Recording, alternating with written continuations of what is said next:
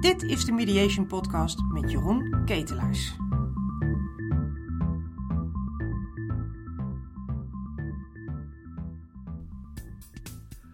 Welkom bij de Mediation Podcast. Mijn naam is Jeroen Ketelaars en ik ben een MFN registermediator en tevens in familierechtszaken geaccrediteerd voor de Raad voor de Rechtsbijstand. En mij en collega's binnen Basic Mediation begint iets op te vallen. En wel in die mate dat we deze podcast daar vandaag aan willen wijden. Het valt ons tijdens mediations op dat een bepaalde oorzaak voor de relatiecrisis steeds vaker wordt gebruikt. Een oorzaak waarmee een van de conflictgenoten wordt bestempeld en waar de mediator toch wel geen vat op zal hebben, omdat hij volgens de gebruiker van de term als een marionet aan de touwtjes van deze manipulator hangt. Die manipulator is namelijk een narcist. En deze redenering is uitermate interessant binnen de context van het mediation-proces. En het is vanwege de verschuiving in machtsbalans die daardoor ontstaat. Immers, de partij die de ander als narcist typeert, positioneert zichzelf daarmee als de normale persoon en hoeft zo niet meer actief deel te nemen aan het proces. Als de narcist namelijk iets beweert, dan is er toch niets normaals aan en niets meer tegen in te brengen. Dus waarom zou ik nog meedoen? Waarom zou ik nog verantwoordelijkheid nemen? Door de aanklacht van narcisme komt ook de mediator ongewild in een ongewenste hoek. Zal de mediator namelijk de aanklager door lastige vragen proberen te activeren, dan kan die gemakkelijk vluchten door de opstelling dat blijkbaar de mediator zich heeft laten inpakken door de narcist. De aanklager kan zich door deze stellingname vastzetten in een slachtofferrol, waarvoor hij of zij geen verantwoording hoeft af te dragen. Immers, alles komt door de ander en dan hoef je zelf geen verantwoordelijkheid te nemen. Hoewel we er geen gedegen onderzoek op hebben losgelaten, zien we de term steeds vaker opduiken. Heeft tegenwoordig bijna elk druk kind een vorm van ADHD, mensen die stress ervaren een burn-out, en had vroeger iedereen last van RSI?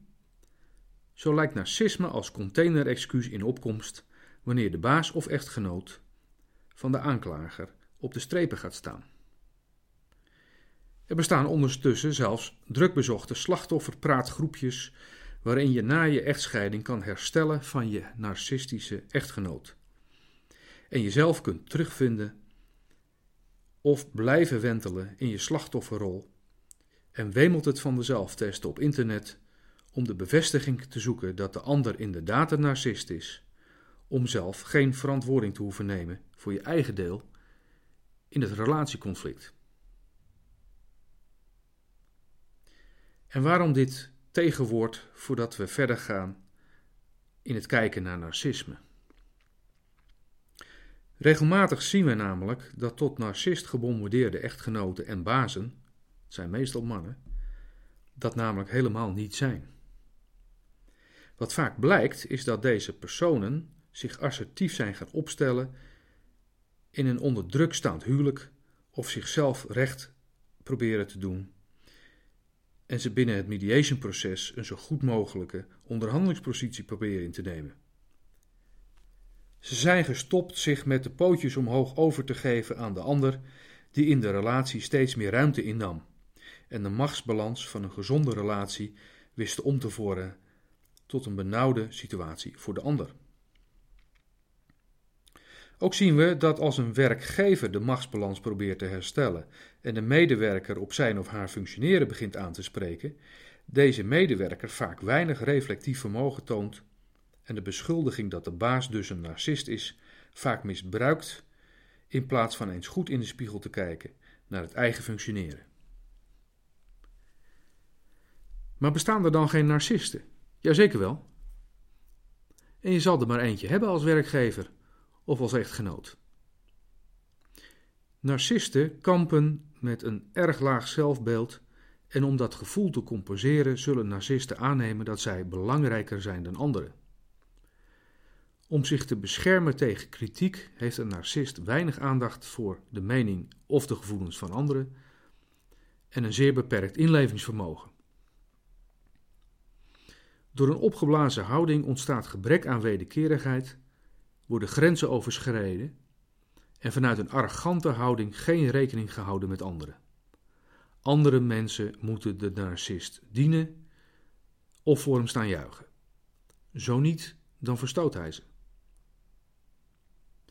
Wat nu als je een narcist in de mediation hebt? Een goede mediator zal de bewering van de een dat de ander een narcist is dus willen checken. Het beïnvloedt het mediationproces namelijk enorm als een van de partijen niet in staat is om zich in te leven in de ander, zich opblaast, geen gevoel heeft voor wederkerigheid, de fout bij de ander legt, minachting toont en ook nog eens een lage frustratietolerantie heeft. Daar een narcist het verstoten van mensen als vluchtwapen hanteert om de confrontatie met het eigen falen niet te hoeven voelen, zal het dreigen met opstappen en het stoppen van de mediation dus een reële optie zijn. De mediator zal zich daarom op de feiten moeten richten en zich niet laten verleiden tot manipulatieve inzichtdiscussies. En dat is best lastig. Een mediator is immers opgeleid om aandacht te geven aan de emoties die bij beide partijen leven. Om zo weer een basis voor vertrouwen te leggen van waaruit gezamenlijk tot oplossingen en afspraken gekomen kan worden. Wat in die mediation goed helpt, is om de narcist het beeld voor te houden van als hij of zij opstapt. Naar de rechter gaan zal betekenen dat de controle over het onderhandelingsproces dan wordt verloren. Controle over het conflict en de eigen rol daarin, of de gewenste opbrengst daarbij, zal aan de mediation-tafel meer ruimte kunnen krijgen dan een distributief proces zoals dat via de rechter loopt. Dat helpt vaak, want falen mag voor de narcist geen optie zijn. Dus in plaats van opstappen is aan tafel blijven zitten altijd de betere oplossing. Je moet het als mediator alleen wel duidelijk maken. Maar hoe weet je nu eigenlijk of iemand een narcist is? Er bestaan veel en hele lange vragenlijsten die slechts door zeer goed getrainde mensen kunnen worden afgenomen. Maar er is nieuw onderzoek dat iedereen in staat stelt om er met behulp van één vraag achter te komen. En die ene vraag luidt: Ben jij een narcist? En onderzoekers aan de Ohio State University die schrijven dat mensen die bereid zijn om toe te geven dat ze narcistischer zijn dan anderen, waarschijnlijk ook narcistischer zijn. Mensen die narcist zijn, zijn daar namelijk bijna trots op. En door er direct naar te vragen ontstaat er snel duidelijkheid. Simpelweg omdat narcisme niet als negatieve kwaliteit wordt gezien door de narcist zelf.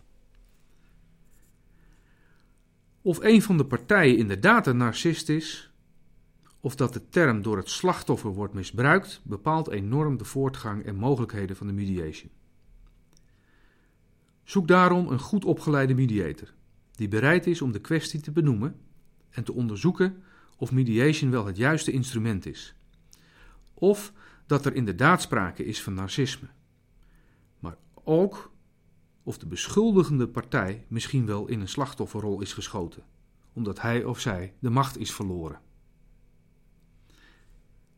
Ik vond het ontzettend leuk om wat te vertellen over dit onderwerp. Ik hoop dat jij het ook leuk gevonden hebt. Wil je meer weten over dit soort onderwerpen of basic mediation in het algemeen? Kijk dan eens even op de website www.basic-mediation.nl. Tot de volgende keer. Dit was de Mediation Podcast van deze week. Wil je meer informatie over dit onderwerp? Kijk dan op basic-mediation.nl. Tussen de tijd dat deze podcast is opgenomen en je hebt geluisterd, kan een langere periode zitten.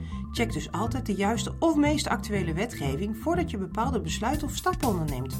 Tot de volgende Mediation Podcast.